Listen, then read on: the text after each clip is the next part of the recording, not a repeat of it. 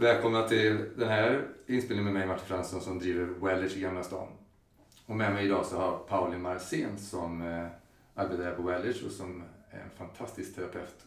Och vi kommer ju utforska din historia och det arbete som du gör, de olika modaliteterna som du specialiserar hur det skapar Big Medicine. Så under den här delen så kommer du få, som lyssnare och som tittar på det här få ta del utav vad Paulis arbete är baserat på också för modellen som kallas polyvagal theory. Men du berättar lite grann om din historia så att säga och utifrån också, om jag börjar med att ställa den första frågan egentligen innan till och med det som kanske ankar in kring din historia. Så här, varför du gör det du gör, så att säga. Vad är det här hjälper människor, leder till för potential hos människor. Den drivkraften som gör att du har spenderat stor, större delen av ditt liv med det här arbetet. Mm.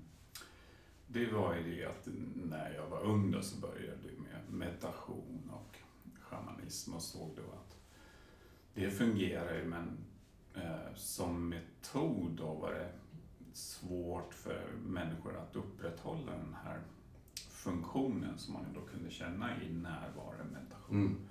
Jag blir närvarande till mig själv och min kan göra mer livsbejakande val utifrån det. Att kunna upprätthålla det i sin vardag blev en utmaning.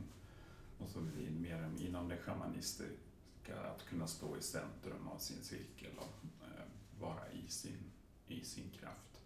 Blev också utmanande när man kom hem till relationer eller jobb, ekonomi, boende. De här vardagssakerna hade en tendens att trigga då mm. kvardröjande, vad jag nu kallar ekon från det förflutna som gör att man inte har förmågan att göra de här livsbejakande valen. Man tappar sin närvaro, mm. sin, sin känsla att här är jag och här är mitt liv och nu ska jag göra någonting livsbejakande.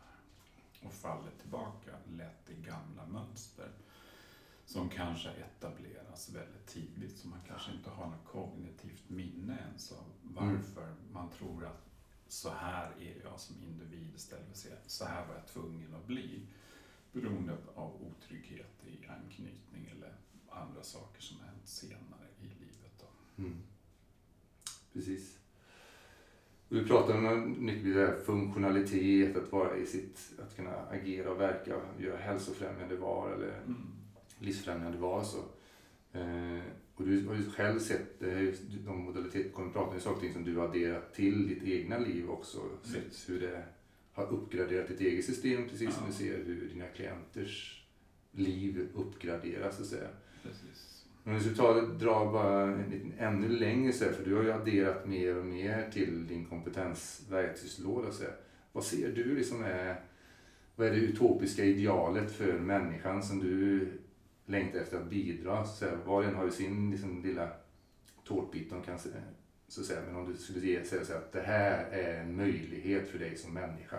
Ja, och det är då det som jag nu kallar neurocoaching, är en samling av de här olika modaliteterna där man tittar på specifikt för varje människa, vad är det som har blivit en slags fixering eller överidentifikation eller en låsning. Var kommer det ifrån? Och då har vi olika nivåer där vi tittar på, är det här transgenerationstrauma? Det vill säga, har jag ärvt den här stressen från mina föräldrar och deras föräldrar? Och där har vi då det vi tittar på i konstellationsarbetet. Och sen har vi då anknytningen när jag väl föds in i ett familjesystem så har jag ju föräldrar, eller de som ersätter föräldrarna, mina primära vårdnadsgivare. Hur hade jag det under de här första fem, sex åren. Det är det vi kallar anknytning. Och hur har det präglat mig? Och sen tittar vi också på chocktrauma då med trauma healing, Peter Levins arbete Somatic Experience där vi tittar, har jag varit med om några överväldigande händelser, det som vi vanligtvis kallar trauma då, och hur har det påverkat mig? Och sen tittar vi på andra saker också, då, hur har det här påverkat olika nivåer av min varelse. Kroppen och så har vi saker som vi jobbar med kroppen och stöd in i neurofysiologin, kroppen där stressen bor i kroppen. Vi har funktionella rörelser då med Anat-Baniel-metoden där vi gör rörelser, antingen själva som ett eh, långsamt yogapass de kvällar jag har det Mm. här på Wellers. Eller när man jobbar på bänk och får den här rörelsen, tar emot den och uppgraderar då hjärnan. Och sen också det här med stöd på bänken, någonting som vi jobbar mycket med. Att få in det här stödet i de områden i kroppen där stressen bor som mest. Mm. Det som kallas för stressfysiologi. Och så har vi ett, några andra metoder. Vi jobbar med energibalansering med ION-metoden för den nivån. Mm. Och sen har vi närvaroaspekten då där, mest på retriter där vi jobbar med, med närvaro, den, den mer så här, livskontakten eller andliga kontakten. Och där vi jobbar med meditationer och vägledda djupavslappningar för att komma i kontakt med vårt eget djup som vi kanske inte riktigt har kontakt med när vi är i vardagsstress och Mm. drivs av omständigheter och inte lyckas få till den här pausen i vardagen där vi kan återknyta till vem vi egentligen är. Så visionen är via de här olika modaliteterna att hjälpa människor att komma i kontakt mer och mer med vem jag är och mindre och mindre med de här, de här ekorna från det säga den jag har blivit som vi gärna missuppfattar att ja, men det är så här jag är. Men egentligen är det så här jag har blivit och den jag är ligger under de här lagren av Mm. kvardröjande tendenser. Lite så. Mm. Precis. Och då alla de här modaliteterna som du använder för att understödja den här visionen. Och Mm. Det är inte bara en vision utan de facto är ju detta vad man ser händer hos människor som väljer det här för sig själva. Den här processen som väljer var och en hur länge de vill vara med på resan. Men det finns ju en övergripande modell som eh, vi har gemensamt. Så att förstå nervsystemet, förstå hjärnan, Mm. nervsystemets reglering. Och inte då minst Stephen Porks eh, polyvagal-modellen, polyvagal-teorin som växer och expanderar och skapar mening såväl för ditt arbete men när vi jobbar tillsammans och många som arbetar kan idag använda det som en förklaringsmodell. Ja. Som vi tänkte vi skulle ta och beröra just den förståelsegrunden kring vårt nervsystem och hjärnans utveckling som polyvagal Ja. innebär, så att säga, hur vår biologi har evolverat för att hantera det här potentiella faran då, som Precis. var en realitet, så att säga, men som Mm. nödvändigtvis inte idag vårt närsystem tolkar korrekt, så att säga, våra sinnesuttryck. Då. Ja. Så om du skulle bara ge en liten kort introduktion till polyvagal och hur du ser från din, ditt, så att säga, hur det här skapar mening i det arbete du gör och förståelse för de som nu lyssnar, så att säga. Ja. Så Stephen Porges då är en forskare som har under flera årtionden eh, intresserat sig att se vad är det som händer i oss när vi får vissa typer av känslor eller självbild eller världsbild. Och då kommit fram eh, som en förklaringsmodell i hur nervsystemet har tre olika plattformar som stödjer olika typer av sätt att relatera till omgivningen. Och det här är någonting som vi har ärvt ifrån evolutionen från djuren. Och de här tre nivåerna hierarkiskt uppbyggda och kollapsar också hierarkiskt. Och då kan man då, när man har en viss förståelse av den här polyvegalteorin, förstå varför en människa beter sig eller känner som den gör utifrån vilken plattform eh, i nervsystemet som den här personen har sin själv eller verklighetsupplevelse. Och där är ju det äldsta är det som vi kallar chock. Och det vi är från väldigt tidiga livsformer för ja, flera hundra miljoner år sedan, en halv miljard år sedan. Så det är någonting som sedan har burits igenom de, de livsformer som var här innan oss fram till oss. Så vi har det här systemet som då stödjer dissociation, chock, kollaps. Det vill säga bli passiv inför omgivningen i ett hopp om att överleva i ett krisläge. Så det är relaterat till livshot. Då går vi in mot det här. Och det här är inte utifrån kognition utan från neuroception. Så det är viktigt att förstå att det är nervsystemets uppfattning av situationen och inte våran kognitiva. Och det här delen av nervsystemet har tyvärr inte så jättebra uppfattning om tidsbegrepp utan de här lägre, tidigare delarna av vår hjärna eh, är, hanterar information men hanterar inte tid utan det är någonting som kommer mycket senare. Så det betyder då att om man har varit med om någonting jobbigt och lever kvar i kroppen känslomässigt, nervsystemmässigt eller relationsmässigt i de här tendenserna så kan vi inte kliva ur dem om vi inte får tillräckligt mycket trygghetssignaler från vår omgivning. Så att neuroceptionen kan skifta då till ett annat lager. Så det är det lägsta lagret. Och chock, dissociation, extremvarianten av det är att man svimmar och kollapsar. Men i oss människor är det mer som ett spektrum där det går från att dissociera, tänka på någonting annat, inte riktigt vara här och nu, tappa kontakten med sin kropp eller sina känslor, eller dissociation men vi kan också dissociera från relation, att vi tappar förmågan att vara i kontakt med andra människor. Mm. Och sen så blir det med vi kallar chock, det vill säga stressfysiologi, det är att organen dämpas, man kan bli illamående eller blir man snurrig och yr och tappar lite verklighetskontakten och dissocierar också från verkligheten här och nu. och extremvarianten är ju då att man svimmar kollapsar mm. helt enkelt. Spelar död. Man spelar död, det är det det går ut på. Och det här är ju, alltså alla de här eh, strategierna har ju haft evolutionärt värde och har ju det också idag. Så att det, att det är energibesparande, att spela död är ju att det var den smartaste strategin för livet där och då för ja. att ge så, att för, åter överleva.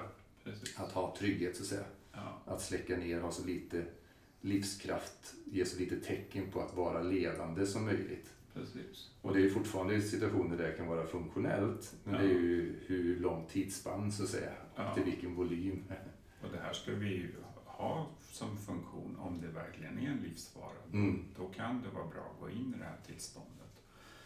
Och det här kommer ju då från, från djurvärlden, rovdjur och bytesdjur.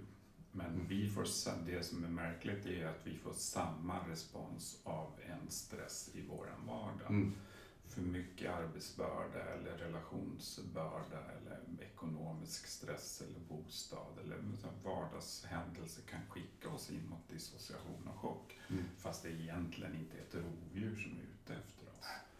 Och om det här då blir, det här ska ju bara vara väldigt temporärt när rovdjuret, faran är där Exakt. från naturen. Då, att en annan människa, ett djur eller naturen själv ger oss på oss. Då kan det vara en bra idé att göra det här det ska inte vara någonting som pågår i dagar, månader, år, årtionden. Det är en väldigt kortvarig, ja. ytterst temporär eh, ja. överlevnadslösning för biology of safety. Så. Precis. Och i djuren som är mer instinktiva fungerar ju det här bättre. Att man går in i chock och sen kommer man ur chock och går tillbaka till sin verksamhet. Mm. Om vi stannar kvar lite vid den innan vi rör oss vid till mm. tvåan, det sympatiska nervsystemet och mobilisering. För den här delen av det är ju oftast eh, förbisett om man tittar till Många pratar om stress, fight and flight som vi kommer komma till ja. nästa då. Men just det här nedsläckningen, chocken så. Mm. Och eh, terapeutiskt kan man se att många inte är uppmärksamma på de signalerna och därmed inte har verktygen för att understödja Precis. att nervsystemet ska vakna upp. Det om man lär sig ABC-kurser, det första man lär sig det är man tar inte hand om de som springer omkring. Mm. Utan det är de som har fallit ner och är i chock. Precis. Och så är det likadant när vi egentligen ska jobba terapeutiskt. Om det inte är liksom, i vissa fall behöver man verkligen ta hand om den delen som är överaktiverad. Ja. Men om vi tittar till din verktygslåda så att säga, hur, hur ser du så att säga kring just den här chockaspekten? Att du ser att ja, men här är de här verktygen har gjort en sån stor skillnad just att jobba med det här chocklagret hos individen. Ja, och det beror ju på varifrån kommer den här chocken. Mm. Om chocken, vilket den ofta gör, när man har syndrom, det vill säga att de här olika påverkan på kroppen och sånt har blivit symptom som man bär med sig. Då handlar det ju mycket om att komma in i stressfysiologin där den bor i kroppen så att mm. säga. Och att ge tillräckligt tydliga trygghetssignaler till kroppen och nervsystemet, det vill säga neuroceptionen. Mm. Och då handlar det mycket om om det är möjligt att jobba på bänk och att ge fysiskt stöd, det som man håller på kroppen där stressen bor som mest. Och det är ju då reptilhjärnan på bakhuvudet, binjurarna, den tillbakahållna andningen, Mm. kanske organen på bukområdet. Att få kroppen att våga komma ur chocken. Och enda anledningen till att man är kvar i chock eller dissociation, det är ju att neurosektionen har inte fått tillräckligt tydliga eh, trygghetssignaler ännu. Mm. Och den är värd att ta en gång till, så att säga, för dig som lyssnar och tittar på det här, just att vårt system behöver den delen som är ansvarig för att hålla den här strategin vid liv. Det är den som behöver Ja. få förstå det på en, det vi kallar neuroseptik. Så att det de receptorerna, den delen av hjärnan som är ansvarig, den behöver till fullo förstå att det är tryggt att släppa på den här strategin då, i en lagom dos och säga tina upp det. Precis. Så att eh, det funkar inte att eh, banka loss och säga utan det här är en mjuk uppväckning utav eh, Ja. trygghetssystemet, att sig in i trygghet. Det är att mjukt och försiktigt föra in livsenergi så att man inte blir överväldigad. Där pratar vi också om någonting i neurosektionen, vilket är toleransfönstret. Mm. Hur stort är vår kapacitet att känna kroppen, känna känslor, vara i relation eller vara med verkligheten? Och trauma leder ju till en komprimering av toleransfönstret, det, det som ryms i våran upplevelse utan att vi går in då i dissociation i golvet eller överaktivering i taket och fastnar utanför toleransfönstret i ohanterliga upplevelser. Mm. Så att när vi pratar om att röra, ta om hand om de här chockdelarna så är det inte en av eller på utan det är en successiv gradvis till man sakta men säkert ökar upp kapaciteten att härbärgera den livsenergin för det är ju den som är mest Den- potent också. Den är mest en nedsläckning. Så det är ett lock på, men vad är locket på? Locket på en tryckkokare. Mm. Så då kan man inte bara rycka bort locket för då kommer det upp för mycket Mm. material, det vill säga känslor, kroppssensationer eller kroppsminnen av de här överväldigande upplevelserna. Så Mm. då behöver man jobba mer försiktigt med den här titrerade metoden, det vill säga lite grann i taget. Precis. Precis. Jättebra. Och vi rör oss vidare till nästa nivå när livet ålade sig upp på land och började lyfta buken upp ifrån Ja. underlaget och fick extremiteter. Ja, När vi, nästa del av nervsystemet, strategin så att säga. precis. Så den här första chock, det kom ju käklösa fiskar väldigt tidiga Mm. livsformen, då, 500 miljoner. Sen kommer ju amfibier och reptiler speciellt då, som kommer upp på fyra ben på land. Och de har det förstadiet till vad som blir våra binjurar eller den komplexa funktion i hjärnan som gasar på binjurarna som är den körtel som sitter ovanpå njurarna som en liten toppluva mitten av ryggen Mm. och som producerar stresshormoner som försätter kroppen då i stressberedskap. Men det gör det på kommando från en del i hjärnan som kallas för hypofysen som får i sin tur sin signal från hypotalamus alltså och amygdala. Vilket liksom kroppens brandlarm uppfattar en inre eller yttre fara i neuroception. Säger till hypofysen att nu är det en fara och sen via blodströmmen då till binjurarna gasas det på, kroppen kommer i stressberedskap. Och då istället för att släcka ner så accelererar man sin livsenergi, speciellt då mot armar och ben. Så är reptilen flykt eller kamp helt enkelt. Och när vi människor blir stressade, då händer samma sak i oss. Det vill säga att det blir en rastlöshet i kroppen som ska bli en lösning på stresssituationen genom flykt och kamp. Eller när man då tar det till anknytning som är starkt till oss människor men andra primater, det är att hitta trygghet. Så desperata behov att finna då trygghet, ta sig till vårdnadsgivaren, mamma eller pappa eller den som ersätter dem eller fly från en dysfunktionell relation då, om mamman eller pappan är hotet så att säga. Men var ska man ta vägen då? Det blir dilemmat. Ja, när jag blir överväldigad så kommer aktiveringens så när vi kommer ur chock, vad möter vi då? Ja, då möter vi anledningen till chocken och dissociationen, vilket är då överaktiveringen. Mm. Och då behöver vi det här toleransfönstret och vi behöver trygghetssignaler från omgivningen för att kunna då härbärgera och tåla att vara med den här kvardröjande aktiveringen så att vi kan slutföra den och komma mot trygghet här och nu. Mm.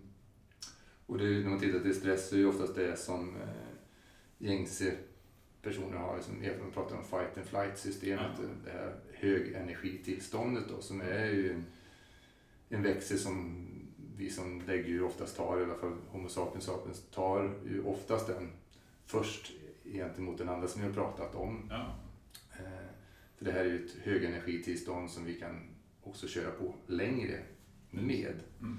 innan det blir stopp i maskineriet.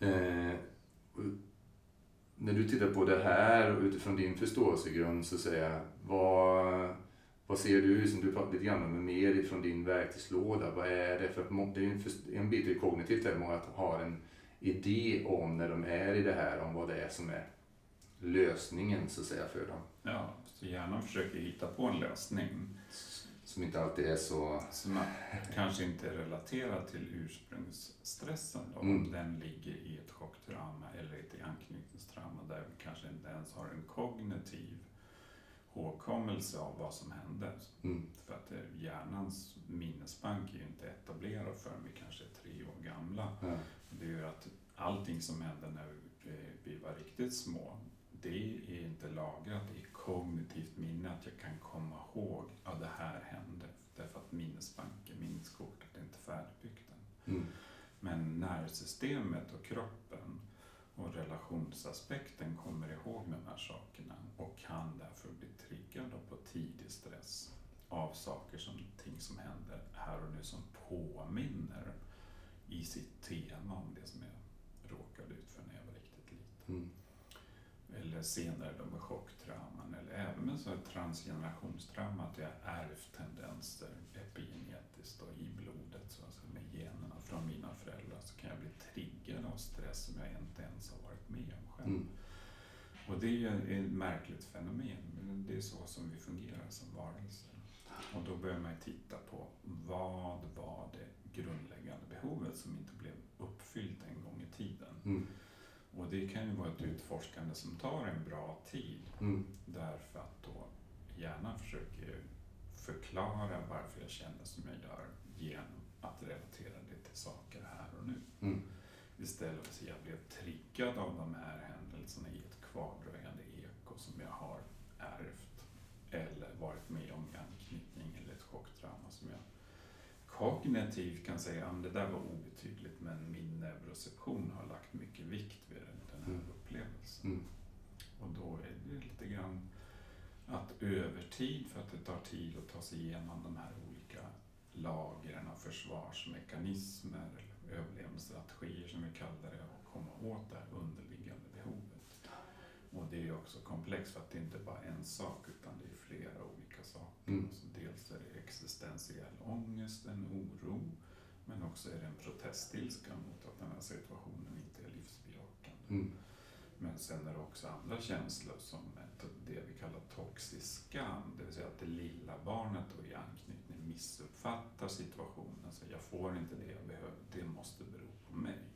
Och det lägger då grunden till eh, en svajighet i självkänsla eller grundtrygghet. Att barnets missuppfattning därför att man inte kan ha det vuxna perspektivet, att det, det är vårdnadsgivarna som av någon anledning inte gör det som de borde göra. mm, Och då går man och klandrar sig själv för sina svårigheter där man har blivit djupt undermedvetet. Det här är inte en kognitiv process. Mm. Och då behöver man hjälp att komma ur den här missförståelsen och komma i kontakt med de här primära anknytningskänslorna eller chocktraumakänslorna som då ska driva en mot en lösning på det grundläggande behovet mm, och kunna identifiera det grundläggande behovet och sen kunna få det tillgodosett i en vuxen variant. Så det är ju inte att man ska bli omkring buren i en babybjörn när man är vuxen. Det är ju inte möjligt att göra det dygnet runt. Men man behöver få någon vuxen variant av det. Det vill säga neurosessionen behöver få en upplevelse att det här är en trygg situation. Eller att den här människan jag är är relativt trygg. Då kommer jag börja kunna tanka det som jag borde ha fått där och då. Om Mm. det är att tanka grundtrygghet, få mina behov tillgodosedda eller inte behöva förvrida mig för att få det jag behöver eller att jag har rätt att stå, vidstå mitt ja och mitt nej eller att Mm. mina uttryck, min kärleksförklaring eller livsförklaring blir mött på något vettigt sätt. Mm. Den jag är blir jag mött i. Alla de här olika faserna. Och sen i chocktraumat jag känner att jag lyckas ta mig bort ifrån faran till en trygg plats. Genom att fullfölja och att nervsystemet känner att nu har jag lyckats med min kamp eller flykt och lugna nervsystemet ner sig. Mm. Och då kommer vi tillbaka mot, mer mot trygghet här. Precis. Slutföra de rörelser som är oavslutade som leder till att nervsystemet kan reglera sig för att nervosessionen detekterar att det är tryggt. Signaler inifrån och utifrån sinnesapparaturen säger att ja, men det här är tryggt. Ja, och det Och att det är, smittar av sig på de andra nivåerna i nervsystemet. det är det gör, då börjar det understödja högre funktion.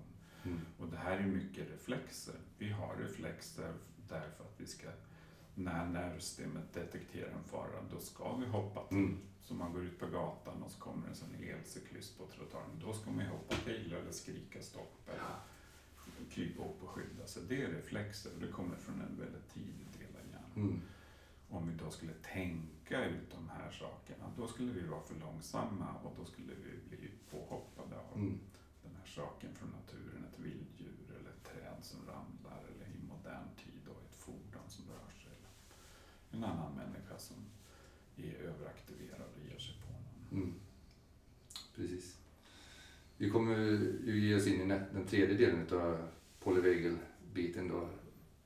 Anknytningsdelen, att relatera Ja, hur vårt nervsystem har löst konflikter, skapat trygghet och få tillgång till just det. Vi har ju pratat om det nu, men vi ska elaborera mer kring det är ett väldigt intressant område från Polyvagal just med hur det här systemet har evolverat som gör Ja. att däggdjur till skillnad från reptiler har ett mycket mer komplext och vi människor än mer komplext sätt att eh, det sociala engagemangssystemet så att säga, mm. för att de andra två systemen inte ens ska behöva slås på eller i alla fall så låggradigt som möjligt. ja, Fungerar lite grann i undertoner där.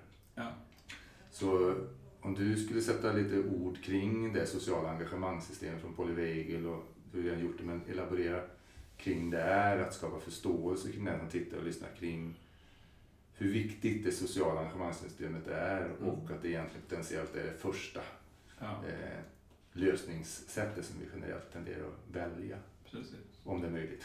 Mm. Så det är den tredje nivån då och det är det som Stephen Pogge säger och det här kallas för poly, fler vagal, vagusnerven, vagal nerve.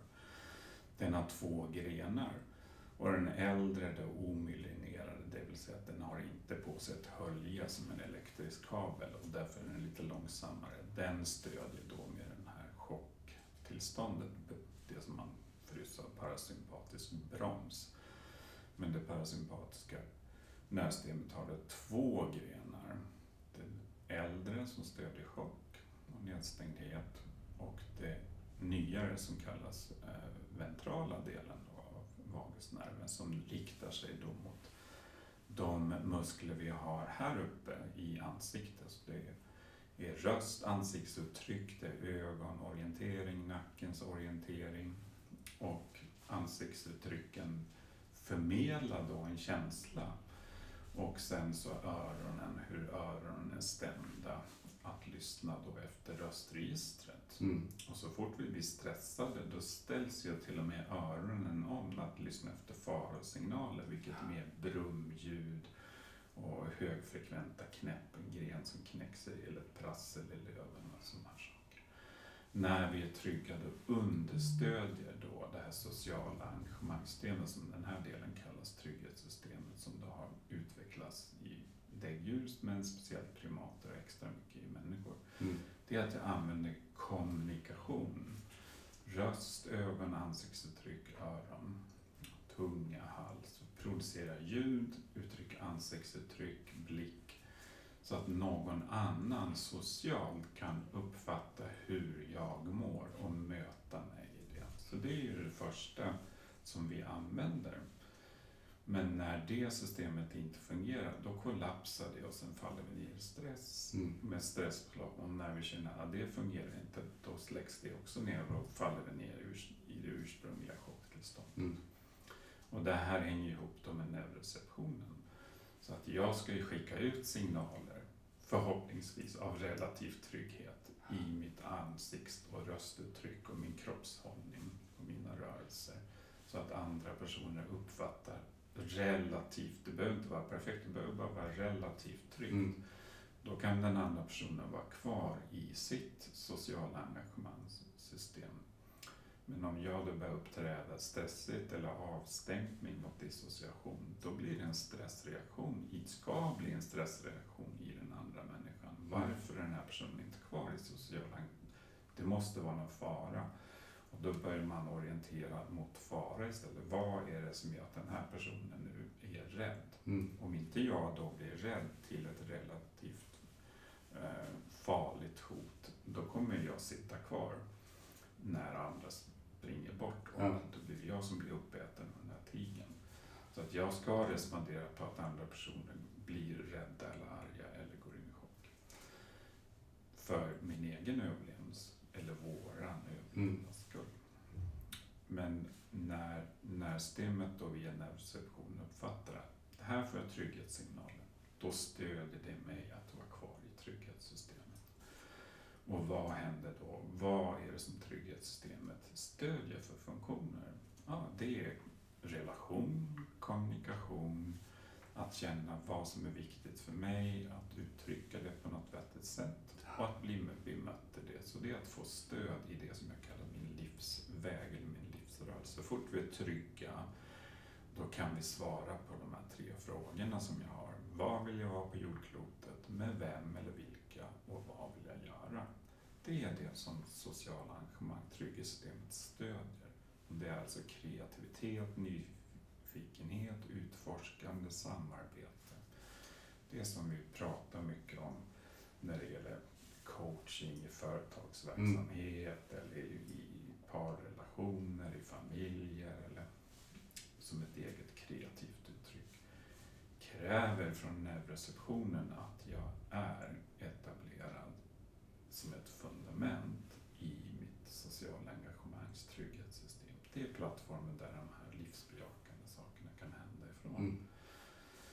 Och då behöver jag då hjälp att överkomma de kvardröjande ekon eller reducera ner dem som gör att jag tappar fotfästet på den här plattformen och faller ner i ett stresspåslag av saker som triggar i neuroceptionen i min vardag. Andra saker som blir fokus på att jag måste hitta en snabb lösning, stresspåslag, det här är farligt, då måste jag hitta en snabb lösning. Eller att jag går mot dissociation, chock, det här är livsfarligt så nu ska jag gå in i dissociation och chock och spara min energi och vara passiv. Mm. De två plattformarna stödjer inte relation, nyfikenhet och inte heller integrering av upplevelser. Och det är viktigt att förstå i trauma. så Jag kan bara integrera en upplevelse när jag är trygg. Så om jag då har en kronisk otrygghet, att jag hela tiden är stressad eller i någon slags dissociation och chock. Det stöder inte integration av tidigare upplevelser. Och det är där som mycket av vårt arbete handlar om att hjälpa en annan människa då att hitta mer och mer plattform av trygghet så man kan integrera sina tidigare upplevelser och får då från neuroceptionen mer och mer stöd i att vara i trygghetssystemet här och nu och inte så lätt bli triggad av saker som händer i min vardag så att de väcker upp de här kvardröjande ekona från det förflutna. Mm. Precis. Så eh, jag ska runda av med det beskriver ju väldigt väl både modellen och också där potentialen Mm. för det här arbetet. Att vi ökar vår det finns de här tjusiga orden som adaptability, resilience. Att Ja. ju mer kapabelt systemet är, desto mer kapabelt blir det att integrera livshändelser och att använda det till sin fördel, att det blir närande och berikande istället för att det... Ja. Det blir en levnadserfarenhet som blir en visdom. Mm, Jag kunde bättre möta en utmaning framtiden i livet. Och det är det som traumaforskningen visar. Någon som har bearbetat sitt trauma är bättre rustad att möta en framtida utmaning. Det är ju självklart. mm, Men det är lätt att missa det här att det finns en eh, slags inneboende gåva i att bearbeta den här Mm, saken. mm. Det är att man blir bättre rustad att göra livsbejakande val och att undvika onödigt lidande i framtiden. mm, precis.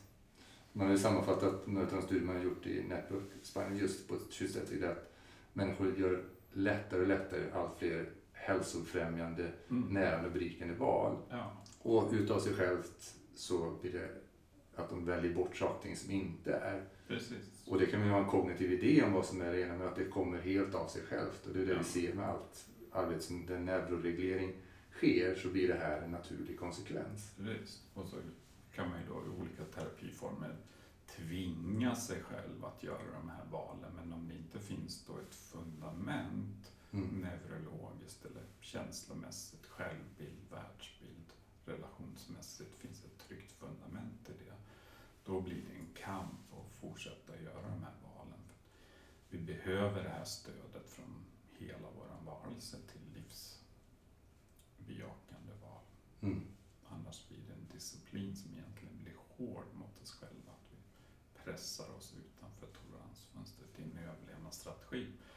Istället för att det blir det naturliga valet utifrån var jag är någonstans i mig själv. Mm. Precis, och hela tiden de här ekorna som pockar på och som ska försöka använda ännu mer energi för att kunna navigera. Ja, Men ju mer av de här ekorna som omförhandlas, desto mer livsenergi blir tillgänglig. ja, Och floden vidgar sig, livsrörelsen vidgar sig. visst.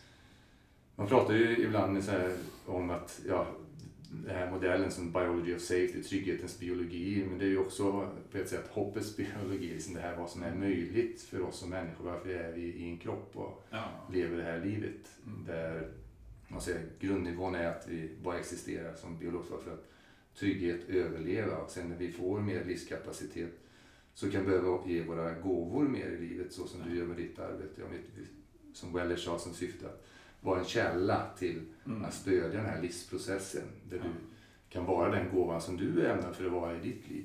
Mm. Var en. Och sen har vi den stora eh, sidin, de stora bitarna som vi kan ta många namn på. Där Ja. vi kommer in, som du pratade om också, där vi, ja, vi har ju compassion-systemet. Vad är den högre möjligheten för oss som människor när de andra systemen är på plats? Ja, Då kickar ju alla de andra sakerna in.